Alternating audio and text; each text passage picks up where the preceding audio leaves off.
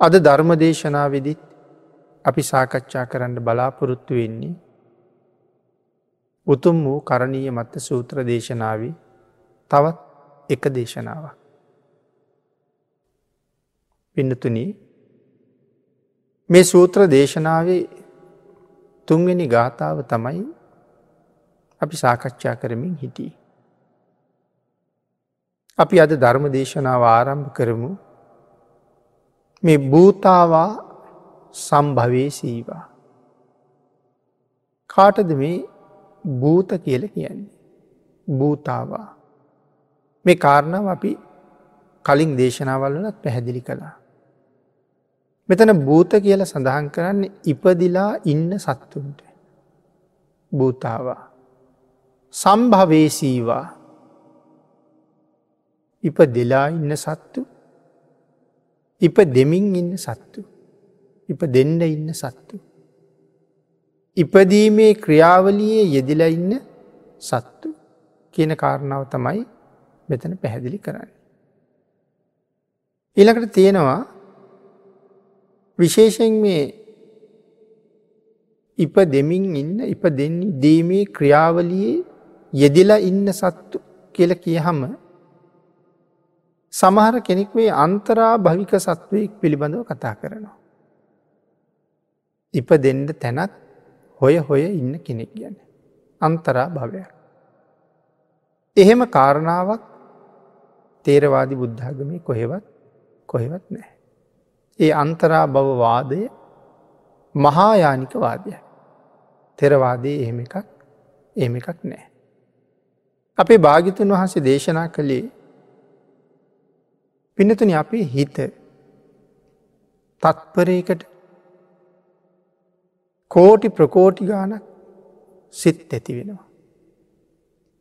තප්පරයකට කෝටි ප්‍රකෝටි ගානක් සිත් ඇති වෙනවා.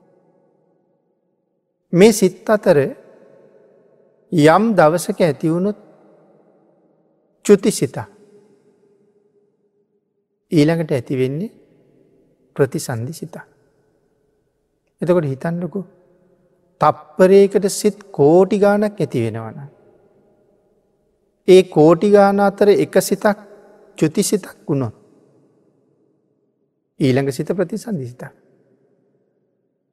චුතිසිත කියල කියන්නේ මරණයට සූදානන් වෙන වෙලාව අපි ඇතිවෙන මේ භවී අන්තිම සිතන.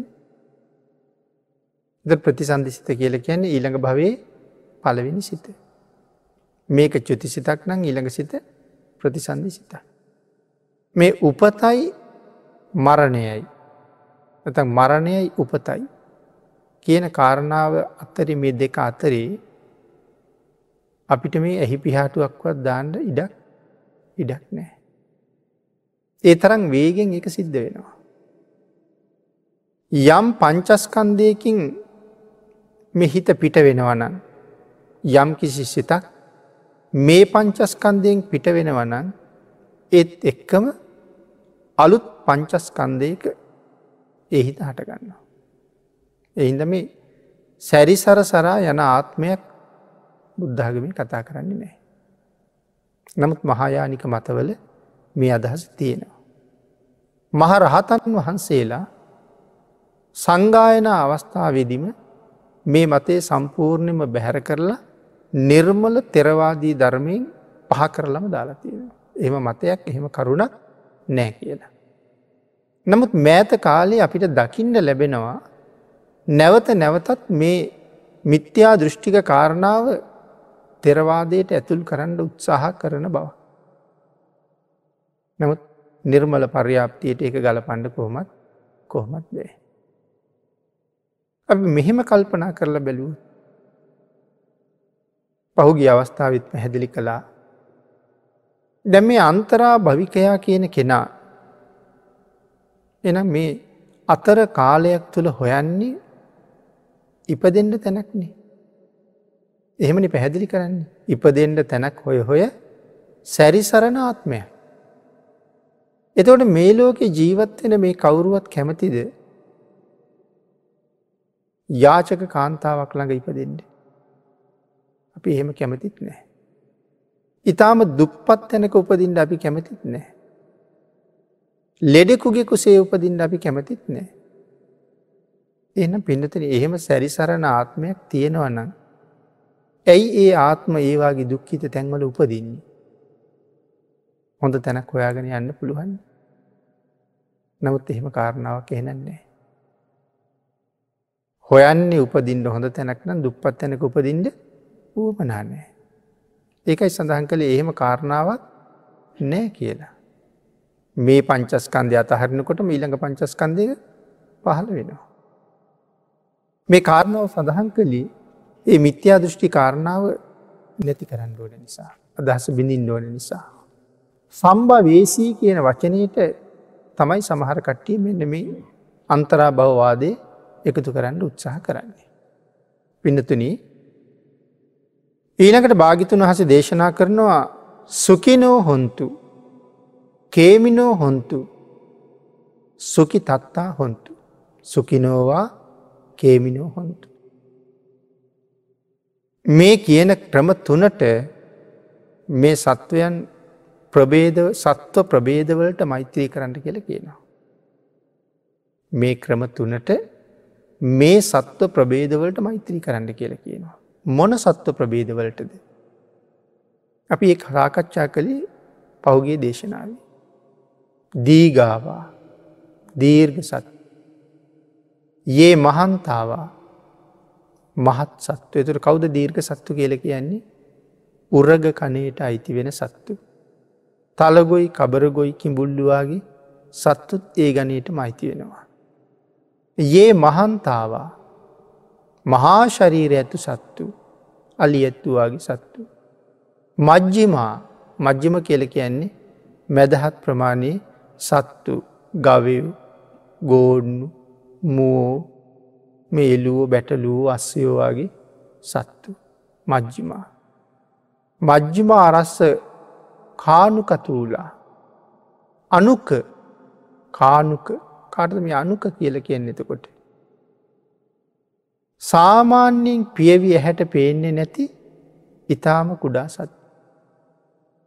ඒක සෛලික ජීවීන් වගේ ජලයේ ජීවත්වෙන සත්ව ඉන්නවා. ඉතා කුඩා සත් අනුක කියල කියනවා. ඊළඟට සඳහන් කරනවා වටකුරු ස්වභාව ඇති සත්තු. ඉදිබූ කැස් බෑව් ඔය සිප්පි බෙල්ලු ඒවාගේ සත්තු. ආං ඒ සත්තු ගැන කියලතමයි මෙතන සඳහන් කරන්නේ මේ ක්‍රම තුන යටතේ මොන ක්‍රම තුනද සුකිනෝහොන්තු කේමිනෝහොන්තු සුකිතත්තා හොන්තු මේ ක්‍රම තුනෙන් මේ සත්ව ප්‍රබේදවලට මෛත්‍රී වඩන්න කියල කියනවා.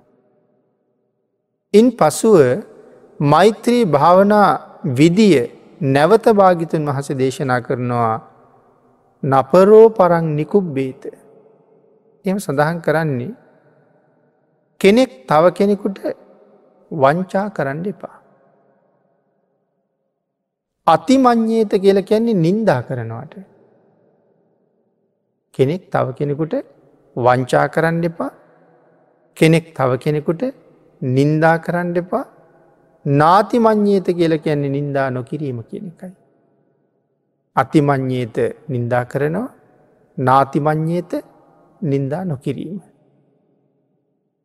කත්ත චිනං කංචි කත්ත චිනං කිසිම තැනකදී කංචි කිසියම් ආකාරී පුද්ගලේ කිසිම තැනකදී කිසියම් ආකාරයක පුද්ගලේ තවත් කෙනෙකුට නින්දානු කරත්වා.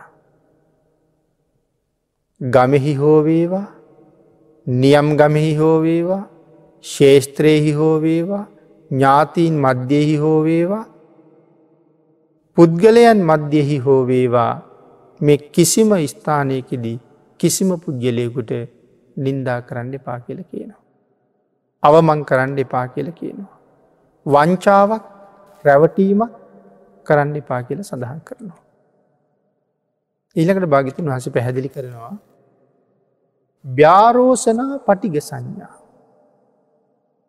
මොකක්ද පිනතින මෙතන මේ ්‍යා කියල කියන්නේ. ්‍යා කියල කියන්නේ කයෙන් හිරිහැර කිරීම. ඉළකට සඳහන් කරනවා කයින් හිරිහැර කරනවා කියල කියන්නේ.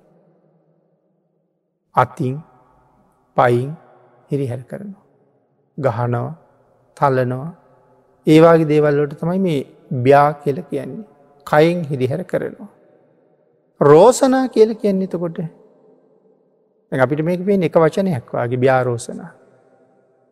නමුත් ඒ වචන ඇතුළි ලොකු අර්ථ අර්ධ තියෙනවා. රෝසනා කියල කියන්නේ වචනයෙන් හිරිහැර කරනවා. මොනවද වචනයෙන් හිරිහැර කරනවා කියල කියන්නේ. පරුස වචන වගේ හිත පෑරෙන වචන හිත රිදෙන වචන පිරිසක් අතර කියහම දුක හිතෙනවා. එතකොට පරුස කියල කියහම තැන් අපි සාමාන්‍යයෙන් පරුස වචන කියල කියපු ගමම්ම අපිට මතක් වෙන වචන ප්‍රමාණයක් තියෙනවා. මේ තමයි පරුස වචන කියලා. පිනතින අපි මතක් නොකරන වචන ප්‍රමාණයකුත් තියෙන අපි පරුසයි කියලා හිතන්නේ නැති වචන. නමුත් ධර්මය හැටියට ඒවත් පරුස වචන. මොනවද ඒ වචන එතකොට. හැබැයි මේ වචනය පරුස වෙන්නේ කියන වෙලාවෙ තමන්ගේ හිතේ තියෙන ස්වභාවයක් එක්කයි. කෙනෙකුට අපි කියනවා තෝ කියල කියනවා. දැම් මේ වචනය බොහොම සෙනෙහස මුසු කරල කියන්න පුළුවන්. දේශ සහගතව කියන්නත් පුළුවන්. සමහරලාට අපේ වැඩිහිටියෝ දරුවන්ගෙන් අහනවා ළමයින්නේ තොපි කාලා දෙන්න කියලා. එක බොහොම සෙනහසෙන් අහන කතාව. එහෙම තොපි කීව කියලා ඒක පරුස වෙන්නේ පරුස වෙන්නේ නෑ. නමුත් හිතේ දේශය සහිතව තාතෝ කියලා කතා කරන අවස්ථා තියෙනවා. අං එහෙම වුණු ඒ වචනය පරුස වෙන්ඩ පරුස වෙනවා. එතකොට මෙතන රෝසනා කියල කියන්නේ වචනයෙන් කරන හිරිහැරේ තමයි පරුස වචන. අපි උදාහරණය කෙටියට තමයි තෝ කියන වචනය අරගත්තේ තව ඒවාගේ වචන ගොඩක් තියෙනවා. පටිග සංඥා කියල කියන්නේ අරමුණෙහි අකමැති සංඥාව මකද මේ අරමුණෙහි අකමැති සංඥාව. දැන් සමහර දෙයක් දැක්කහම අපිට තරහයන.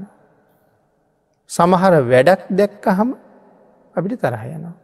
එතකොට ඒ ගත්ත අරමුණට අපි අකමැති. ඒකයි මෙතන කියන්නේ අරමුණෙහි අකමැති සංඥාව. දර මේකට මේ පටිග කියල කියන්නේ දේශ සහගතයි කියන එක. පටි ගාත සමහට භාගිතන් වහසේ දේශනා කරපු සූත්‍රම තියෙනවා. දේශය පිළිබඳව පැහැදිලි කරන්න. ආඝාත පටිවිනය සූත්‍ර ආඝාත පටිවිනය දේශය පිළිබඳව කරුණු පැහැදිලි කරන සූත්‍ර.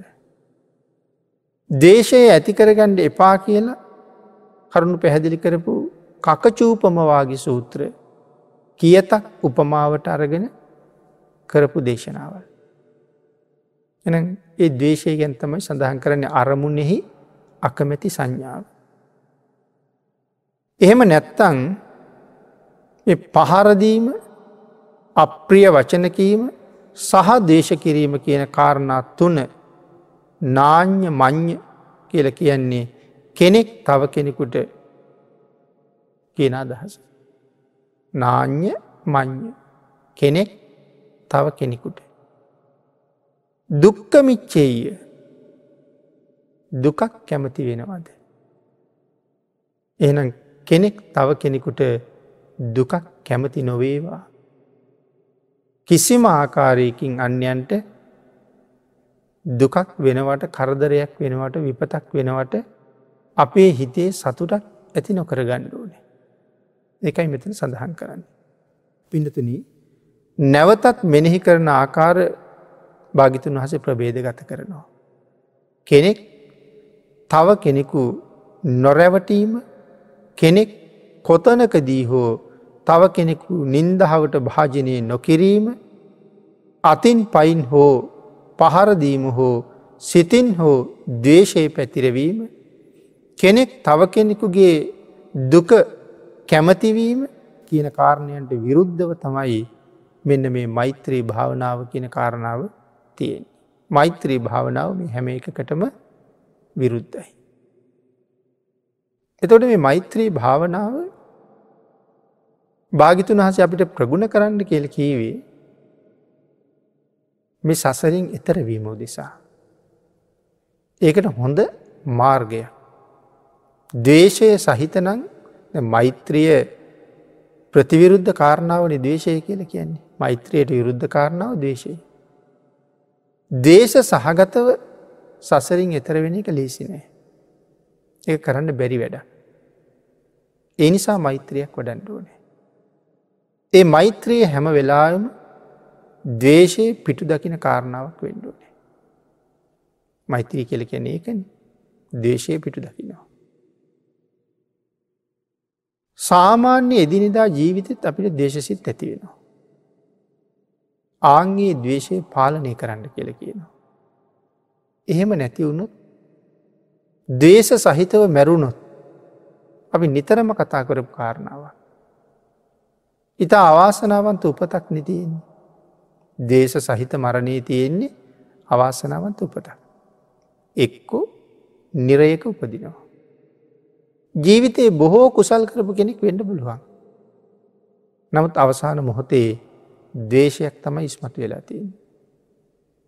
බොහෝ වෙලාවට නිරේක උපදින්න සිද්ධ වෙනවා. එහෙම නූනොත් විස සහිත සති දේශය කියලගෙන විසක් විස සහිත සතෙක් වෙලා ඉප දෙන්න පුළුව. නයිපුළුම් ගුවාගේ වෙලා එහෙම ඉප දෙන්න තියෙන ඉඩකඩ ඉතාම වැඩි. එහෙම නැත්තං යකෙක් යක්ෂණයක් වෙලා ඉපදෙනවා. ඉතින් එහෙම කරුණුනම් ධර්මය බොහෝ තැන්වල තියෙනවා. අපි අහනවා කාලියක්ෂණීගේ කතාව. දවේශය නිසා. මේ වගේ කාරණා ගොඩක් පැහැදිලි කරලා තියෙනවා. අපේ ශාසනයේ එක මහරහතන් වහන්සේ නමකුත් එක අනාගාමින් වහන්සේ නමකුත් සෝවාන් නාරයන් වහන්සේ නමකුත් එක පෘතජ්ජන පුද්ගලයකුත් එල දෙන ඇනල මරලදානවා. එකම විදියට. ඒත් එල දෙනකගේ වෙස් අරගෙන එන්නේ යක්ෂණයක්. ඒත් පෙර දේශ සහිතව මරණයට පත්වෙලා. පලිගන්න චේතනාව තියාගෙන හිටපු නිසා. ජාතක පාලියනුත් මේ ගැන කරුණු අපිට බොහෝම හම්බ වෙනවා. ඒ හැම කරුණක්ම එකතු කරලා විසඳලා බලහම මේ දවේශ සිත අවසන් මොහොතේ අපිට මහා නපුරක් කරලා තියෙන බව පේනවා. සියදිවි හානි කර ගැනීමත් එතනටම එකතු කරලා කතා කරන්න පුළුවන් කරුණ. සියදිවි හානි කරගන්නවා කියන එක බරපතල පාපකරමයක් නෙමෙයි කියල ධර්මී සඳහන් කරන්න. තමන්ගේ පණ නසා ගැනීම ප්‍රාණගහතයකට අයිති වෙන්නේ නෑ. එනිසා බරපතල කරුමයක් වෙන්නේ නෑ කියල සඳහන් කරනවා. නමුත් පින්නතින අකුසල කර්මයක් තියෙනවා කාටවත් තමන්ගේ පණ දේශයක් නැතුව නසාගණ්ඩ බැරුව යනවා. අපි සියදිවි හානි කර ගන්නෙම දේශය මුල් කරගෙනන්නේ. කේන්තියක් නැතුව කොහොමත් සිය පණ නසාගන්න බෑ. පණ නසාගණ්ඩ තරං දරුණු කේන්තියක් තියෙන්ටුවනේ. අපිට ඕන තරම් මිනිස්සුන්ට තරහ යනවා. නමුත් තරහයන මිනිස්සු ඔක්කොම ජීවිතය නැති කරගන්න හිතන්න ෑන. එමන ජීවිතය නැති කරගන්න නම් ඒ සඳහා යොමුවෙච්ච දැඩි දේශාරමුණක් තියෙන්ටුවනේ. එන මරණයට පත්වන්නේ දේශ ඇත්තේ. හැබැයි එහෙම උනහම ඒ උපත කොහොම උනාද කියන කාරණාව තමයි අපිට හිතාගන්න බැරි. නමුත් හොඳ වෙන්ඩ නම් බෑ මේ පැහැදිලි කරන හැටියට. ධර්මය දන්නවන එවන් දේවල්වට යෙදෙන එකක් නෑ. නමුත් ධර්මය නොදන අසරණව ජීවත්වෙච්ච නිසා තමයි මේ වටිනා ජීවිතයේ වටිනාකම තේරුම් අරගන්න නැතු බොහොම දුක්කිත තත්ත්වයකට ඇදලදාන්න කටයුතු කරන්න. එහමන දවේශය හැම වෙලාවිම පාලනය කරන්න භාගිතුන් වහස අපිට මනාව උපදෙස් දෙනවා. භික්‍ෂූන් වහන්සලට එක තැනක සඳහන් කළා මහනෙන ඔබලාට මං පොරොන්දු වෙනවා. එක ධර්මතාවයක් නැති කරන්න පුළුවන් නං මං ඔබලා අනාගාමී කිරීමේ වගකීම භාරගන්නවා කියලා. මොකක්දේ ධර්මතාවේ දේශය නැති කරන්න පුළුවන්නම් අනාගාමී කිරීමේ වගකීම භාරගන්නවා කියල කියන. එතකොට මේ දේශය කියන ධර්මතාවය අපිට කොයි තරං බාධා කරනවාද. සසර ගමන මග කොයි තරං අහුරලා තියෙනවද සුගතියට යන මග දේශය විසින්. ඒකයි මේ තරම් භාගිතන් වහස මේ පිළිබඳව කරුණු දක්වන්නේ. දවේශයෙන් අතමිදෙන්ට. ඊළඟට පිනතුරි භාගිතුන් වහස තවතනක දේශනා කරනවා. මහනිනි යම් කෙනෙක් තමන්ට කරදර කරනකොට භික්‍ෂූන් වහසලටන් දේශනා කළා රබි මතක් කලා කකචූපම සූත්‍රය කියලා. කියතක් උපමාවට අරගෙන කරපු දේශනාව. කෙනෙක් ඇවිල්ල කියතක් අරගෙන අපේ අතපය කපනවා. කියතෙන් කපනවා කියන එක පිහියෙන් කපනට වඩා හුඟක් වේදනාකාරී. අපි කියත් දෙකල තියෙනවන. ඒ වේදනාවත් එක්ක කොච්චර දේශයක් උපදීද. මහනිනී තමන්ට එහෙම හිරිහැර කරන පුද්ගලයකුට. තමන්ගේ හිතේ දේශයක් ඉපදුනොත්. ඔවුන් හරියටම ශාස්තෘූ ශාසනය කරපු අයි නෙමෙයි කියලා. හරියටම බුද්ධ ශාසනය ඇසුරු කළේ නෑ කියල සඳහන් කරන්න. එහෙමනම් දවේශය කොයි තරං භයානකද. අපි තුළත් නිතර නිතර කේන්ති උපදින වනං ඉතින් අපිත් එහෙනම් බුද්ධ ශාසනය භජනය කළේ නෑ කියලවායි කාරණාවක් තමයි කියන්ට. මේ ශාසනය හරියට දැනගත්තොත් ඔවුන් මෛත්‍රී සහගත පුද්ගලය බෝඩ් පත්වෙනවා. අපේ ශරීරයේ ඇතිවෙන වේදනාවල් වලටත් අපිට දේශය හටගන්නවා. තද හිසේ කැක්කුමක් කාවහම තරහයනවා. ගෙදර ඉන්න දරුවෙක්වත් කෑකෝ ගහල සෙල්ලං කරනු ඇහුණහම් ළමයෙක් නමුත් රූපවාහනි අන්තරයක් ගුවන් විදලි අන්තරයක් හඬ වැඩි කරලා ක්‍රියාත්මක කළු හිසේ කැක්කම තියෙන කෙනට ගොඩා ගොඩක් කේන්තියන. පිනතිරිතින් හිසේ කැක්කුමට විතරක් නෙමේ කේන්තියන්. බඩේ කැක්කුම හැදුනත් කේන්තියන. කනේ කැක්කුම හැදුනත් කේන්තියන. දතේ කැක්කුම හැදුනත් කේන්තියන. මේ කායික වේදනාවල් වලින් අපිට දේශය උපදිනව නං සඳහන් කරනවා. මැරෙන වෙලාවේ මරණ වේදනාව කොහොම යොසයිද කියලා. මැරණ වෙලාවෙත් හුඟක් වේදනාකාරී අවස්ථාවක් කියලනි සඳහන් කරන්න. හැබැයි හිසේ කැක්කුමනං අපිට පුරුදුයි නිතර නිතර හැදෙන නිසා. දතය කැක්කුමත් පුරුදුයි නිතර නිතර හැදෙන නිසා. ජීවිතයේ එක වතාවක් දෙවතාවක් හරි දත් කැක්කොම ගැන අත්දැකීමක් තියෙනවා. නමුත් අපිට මරණ වේදනාව ගැන මීට කලින් අත්දකින් හම්බෙල නෑ. ඒක ඒ කාලෙට එදාට හම්බ වෙන අලුත්ම වේදනාව. අවදාවත් අත්දැකීම් නැති දෙයක්. ඉතා දරුණු වේදනාවක් කියල තමයි පැහැදිලි කරන්න.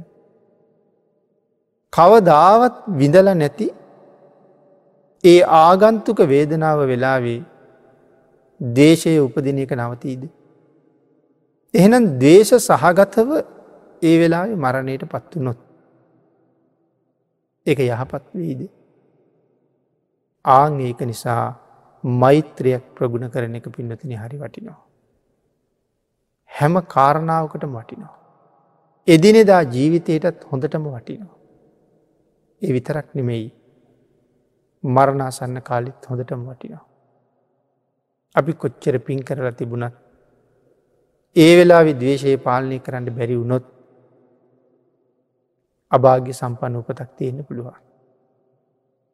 ආන්ගේ ඇතිවෙන කායික වේදනාව පහ කරන්න පුරුදු කරලා තියෙන්ඩුවනේ. මේ වේදනාවෙන් මාසුවපත්වේවා. ඒ කායික වේදනාව අයින් කරලා තමන් කරගත්ත කුසල ධර්මයන් ආවර්ජනය කරන්න පුළුවන් හැකියාවක් තියෙන්ඩුවන. පැරැන්නු ගව තිබුණ පිම් පොත කියවනවා කියල ක්‍රමයක්. නමුත් මේ තියෙන දැඩි වේදනාව අතරේ කියවන පින්පොතට සවන් දෙන තරං අවස්ථාවක් එන්නේ නැතිවී. නමුත් ඒ වේදනාව යටපත් කරන්න පුරුදු කරලා තිබුණන කරපු කුසල ධර්මයෙන් ආවර්ජනය කරන්න තිබුණ. එහෙමනම් මෛත්‍රී භාවනාවෙන් වේදනාව යටපත් කිරීම කියන කාරණාව මනාව ප්‍රගුණ කෙරෙනවා. එදාට මරණ වේදනාව ඇති වුනත් අපි දන්නවා වේදනාව අයින් කරන්නේ කොහොමද කියලා. මේ මෛත්‍රී භාවනාවෙන් ඒක කරන්න පුළුවන් වේදනාව අයින් කරන්න. එ තරම්ම බලවතුයි මේ භාවන ක්‍රමේ. දේශනාව සඳහන් කරන්න පින්නතන අපිට ඇතිවෙන පිළිකාවක්. වාගේ භයානක රෝගයක් නමුත්.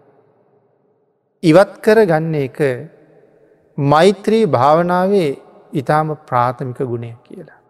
උසස් ගුණයක් නෙමෙයි පිළිකාවක් අයින් කරනවා කියන එක ප්‍රාථමික ප්‍රාථමික ස්වභාවයක්. එතකොට අපි හැමෝම බීතියට පත් කරලා තියෙන ඒවාගේ රෝගයක් අයින් කරන එක මෛත්‍රී භාවනාවේ ප්‍රාථමික ක්‍රමයක් නං මේ මෛත්‍රී භාවනාවේ උසස් ක්‍රම අපිට කොයි තරං සුවයක් හදයිද. එලවයි මෙලවයි දෙකම සුවපත් කරනවා. ඒකයි මේක ප්‍රගුණ කරන්න භාගිතුන් හස දේශනා කරන්න. හැබැයි මේක ප්‍රගුණ කරන්න ප්‍රායෝගිකව ජීවිතය මේක යොදාගෙන තියෙන ඕනේ. ප්‍රායෝගිකව යොදා ගන්නවා කියල කියන්නේ. එක පාරම ඔය කාරණාවටම යන්ඩ ගියාට අපිට ඒ තරම් සාර්ථක වෙන එකක් නෑ. ඒකයි ප්‍රායෝගික වෙන්න කියල කිවේ. උදාහරණයක් දෙකක් මතක් කළු. ගෙදර තියෙන යම් උපකරණයක්. අපි කිසියම් වැඩකට අරගන්නවා. අපි ගෙමු උදැල්ල ගත්ත කියල. උදැල් ආරගෙන මං කිසියම් වැඩක් කරනවා. මම වැඩේ කරලා උදැල්ල වෙන තැනක තියලම යනවා. එතොට ගෙදර තව කෙනෙක් එනවා උදැල්ල හොයන්ට. එන්නේ උදැල්ල කලින් තියල තිබ තැනට. එතන උදැල්ල නැති නිසා ඊටකට හැම තැනම ඇවිද ඇවිද හොයන්ඩ වෙනවා. අඩ ගහ ගහ අහන්ඩ වෙනවා. ආං එතකොට ඔහුගේ සිතේ දේශය උපදිනවා. නමුත් මගේ කාර්ය නිමා කරලා මං උදැල්ල එතනම තිබ්බන අර පුද්ගලයාගේ කාලිනාස්ති වෙන්නෙත් නෑ. ඒ පුද්ගලයාගේ හිතේ අකුසල් සිතක් උපදින්නෙත් නෑ. ගේ වටේම ඇවිදින්ට ඔහුට සිද්ධ වෙන්නෙත් සිද්ධ වෙන්නෙත් නෑ. මේ මෛත්‍රී ප්‍රායෝගික පැත් අපි නොහිතන්න දේපල්. මම අකමැතිනං ගෙදර යම් දෙයක් මේ විදිහට තියෙනවට. යම් විදිහකට තියෙනවන්න මං අකමැතින ඒකට අනික් අයත් අකමැති කියල හිතන්න ඕනේ. ඒ නිසා ඒ තත්ත්වය කැමති ආකාරයෙන්ම තියල යන්න ඕනේ. සමහරලට කෑම කන මේසි පිරිසිදු කරලනෑ. තේකෝපි හදාගත් හම එතන පිරිසිදු කරලනෑ. මේ මේවාගේ හැම කාරණාවක් තුළම මම නිසා තව කෙනෙකුට හිරිහැරයක් නොවෙන්ඩ එදිනෙදා ප්‍රායෝගිකව කටයුතු කරන්න උත්සාහ කරනවා නං එතන දලතිනේ ප්‍රායෝගික මට්ටම මෛත්‍රය. එවන් එවන් තත්ත්ව තුළ මනාව හික්මිලා නං අපිට භාවනාවක් හැටියට මේක වඩන්ඩ යනකොට ඒක ලොකු උපකාරයක් කරනවා ඒ භාවනාව වඩා ගැනීම සඳහා. එවන පිනතිනි සඳහන් කළා තවත් කෙනෙකුගේ දුකක් කැමතිවෙන්ඩ දුකක් කැමතිවෙන්ඩ එපා. තවත් කෙනෙකුට හිත් වේදනාවක් ඇති කරන්න එපා. කායික වසයෙන්ද වාචසික වසයෙන්ද මානසික වසයෙන්ද කාටවත් කරදරයක් කරන්න එපා කියලා. ඉන් පස්සෙ පින්නතන මේ මෛත්‍රයේ සීමාව සඳහන් කරනවා. මොකදද සීමාව කියලා. මාතා යතා නියං පුත්තා. මවත් යම් ආකාරයට තමන්ගේ එකම පුත්‍රයා ආයුසා ඒක පුත්ත මනුරක්කේ. තමන්ගේ එකම පුතා තම ජීවිතය පවා පරදුවට තියල රකිනවද. ඒවම්පි සබ්බ භූතේසු මෙන්න මේ ආකාරයට සියලු ඉපදුන සත්වයන් කෙරෙහි මාන සම්භාවයේ අපරිමානං අප්‍රමාණ ලෙස මෛත්‍රී මනස වැඩිය යුතුයි.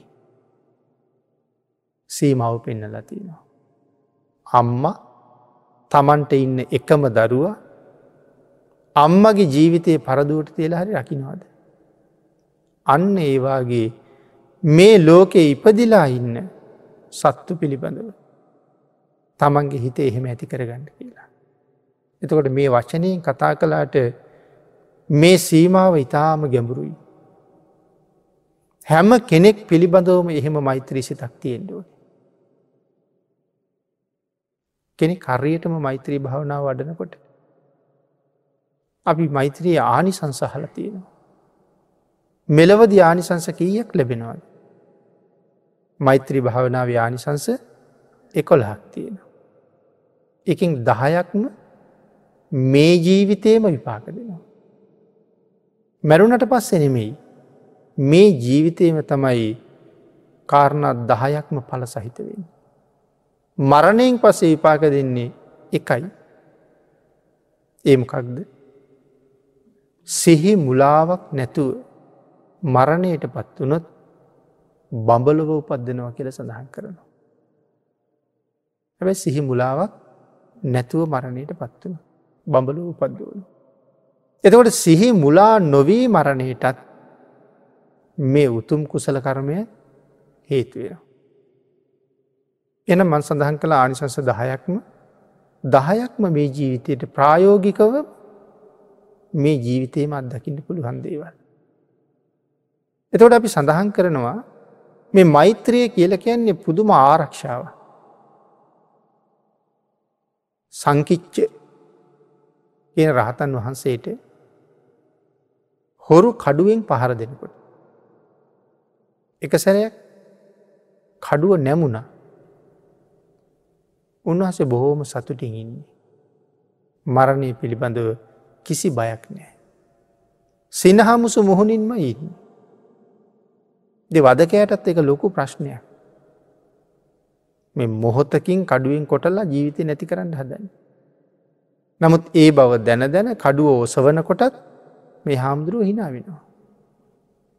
කඩුවෙන් පහර දුන්නහම එක සැරයක් කඩුව නැමුණා. නැවත කඩුව දිගෑරල නැවත හදලාරගෙන ආය පහරදිනකොට කඩුව ඇඹරිලා ගිය. වදකයා බයවුණ මේ කඩුවෙන් කී දෙනෙක් මරල තියෙනවද. නමුත් අද මොකක්ද මේ වෙන්දී. උන්වහන්සේගේ මූනේ ඇගේ හිතේ බය තියෙන පාටක්වත් පේන්න නෑ. ආගේ නිසා ඇහුවා ස්වාමීනී මරණය දැකල බයවෙන්න නැති ක්‍රමය උන්හසිනං රහතන් වහන්සේ නම. නමුත් ඒ මෛත්‍රී චිත්තය එත් තරම්ම ප්‍රබලයි. එනිසා අපිටත් මේ මෛත්‍රී හරියට සන්නායකයක් වගේ කියල කියන්නේ. ආරක්ෂාව ඒ තරම් ආරක්ෂාව. මෛත්‍රී වඩන පුද්ගලයට වෙඩි තිබ්බත් වදින්නෑ කියල කියන පින්න. ඒකයි සන්නායකයක් වගේ කියල කියන. හැබැයි මෛත්‍රිය හිතේ තියෙන වෙලාවට විතරයි. අපි වෙඩි නොවදින ඇඳුමක් ඇඳල ඉන්නවා කියමු. අපිට වෙඩි තිබ්බට වෙඩි වදින්නේ නෑ ඇඳුම තියෙන නිසා. හැබැ ඇඳුම ගැලව්වට පස්සේ වෙඩි වදිනවා. අපි මෛත්‍රී චිත්තයෙන් ඉන්න තාක්කල් අපිට කරදර වෙන්නේ නෑ. හැබැයි ඒ මෛත්‍රී සිතෙන් අයින් වුණ හම සන්නායක ගැලව්වාගේ තමයි. මෛත්‍රිය තුළ ඉන්නකං ලොකු ආරක්ෂාවක් අපිට තියෙනවා. එනම් මෙතන සඳහන් කළා අම්ම යම්සේ තමන්ගේ එකම පුතා රකිනවද ජීවිතය පරදුවට තියලා. ජීවිතය පරදුවට තියලා අම්ම පුතා රකිනව කියල කියන්නේ. ඒ පුතා පිළිබඳව මොනතරං සෙනෙහසක් තියෙනවද. ආං ඒ සෙනෙහස මේ හෑම සත්‍යයක් කෙරෙහිම ඇති කරන්නයි කියල කිය. ඒකයි මෙතන වැඩුන දියුණුන මෛත්‍රයක් කියල කිය. එළකට පිනතිනි සඳහන් කළා මෙත්තංච සබ්බලෝ කස්මි මෙන්න මේ ආකාරයට සියලු ලෝක සත්වයන්ට මාන සම්භාවයේ අපරිමානං අප්‍රමාණ ලෙස මෛත්‍රී මනස වඩන්. කොයි ආකාරයටද අම්ම තමන්ගේ එකම පුතා යම්සේ ආරක්ෂා කරනවාද. අන්න ඒවාගේ මේ සියලු ලෝක සත්වයන්ට අප්‍රමාණ ලෙස මෛත්‍රී සිත වඩන්න. උද්දං අදෝච තිරියංච මෙතන උද්ධං කියල කියන්නේ උඩ දිසාව. අදෝ කියල කියන්නේ යට දිසාව. තිරියංච හාත් පස තමන්ගේ වටේ ඉන්න සියලුම පිරිස. අසම්බාදං අවේරං අසපත්තං. අසම්බාධන් කියල කියන්නේ කිසිම බාධාවක් නැතුවම. අවේරං කියන්නේ කිසිම වෛරයක් නැතුවම. අසපත්තන් කියල කියන්නේ සතුරු නැතිවෙන ආකාරයට පිනතින මෙතන සඳහන් කරන්නේ දිසා අනුව මෛත්‍රී වඩන හැටි. එනිසා සිව් දිසාවටම මෛත්‍රී චිත්තය එකසේ පතුරුවන්න කියලා. මේක එක පාර කරන්න පුළුවන් දෙයක් නෙබී. කාලයක් තිස්සේ පුරුදු කරලා පුරුදු කරලා දියුණු කරගණ්ඩ ඕන දෙයක්. නමුත් යමෙකුට පුළුහන්නන් ඒ සිව් දිසාවටම එකසේ මෛත්‍රී වඩන්න. ඕ මේ ලෝකේ පුදුම ජයග්‍රාහකයෙක්. අක්කුසල අරමුණු මැඩලලා දේශය යටපත් කරලා මෛත්‍රී චිත්තය උපදවලා තමන්ගේ යහපත වෙනුවෙන් කටයුතු කරන කෙනෙ. ආං එවන් අයට මේ සූත්‍රයේ අපි මුලින් සඳහන් කළා දක්ෂය කියලා. ඒ අයටයි දක්ෂයෝ කියල කියන්නේ. සක්කෝ කියල වචනයක් තියෙනවා මේ සූත්‍රී. සක්කෝ උජූච සූජූච අංගේ සක්කෝ කියලකිවේ එකයි අක්කුසල සිත් පස කලා කුසල් සිත් ඉදිරිපත් කරගෙන මෛත්‍රී චිත්තයෙන් කටයුතු කරන්න පුළුවන් අය. එවන් අයට ලෝකෙ දක්ෂයෝ කියල කියනවා. අපි බලාපොරොත්වයෙන විදිහ අයට නෙමෙයි එතකොට දක්ෂයෝ කියලතියෙන්. අකුසලයෙන් ඈත්වෙලා කුසලයේ සමාදන් වෙච්ච කෙනාටයි දක්ෂය කියල කියන්න. එවන් අය මරණයෙන් පස්සේ නිරයින් මිදෙනවා.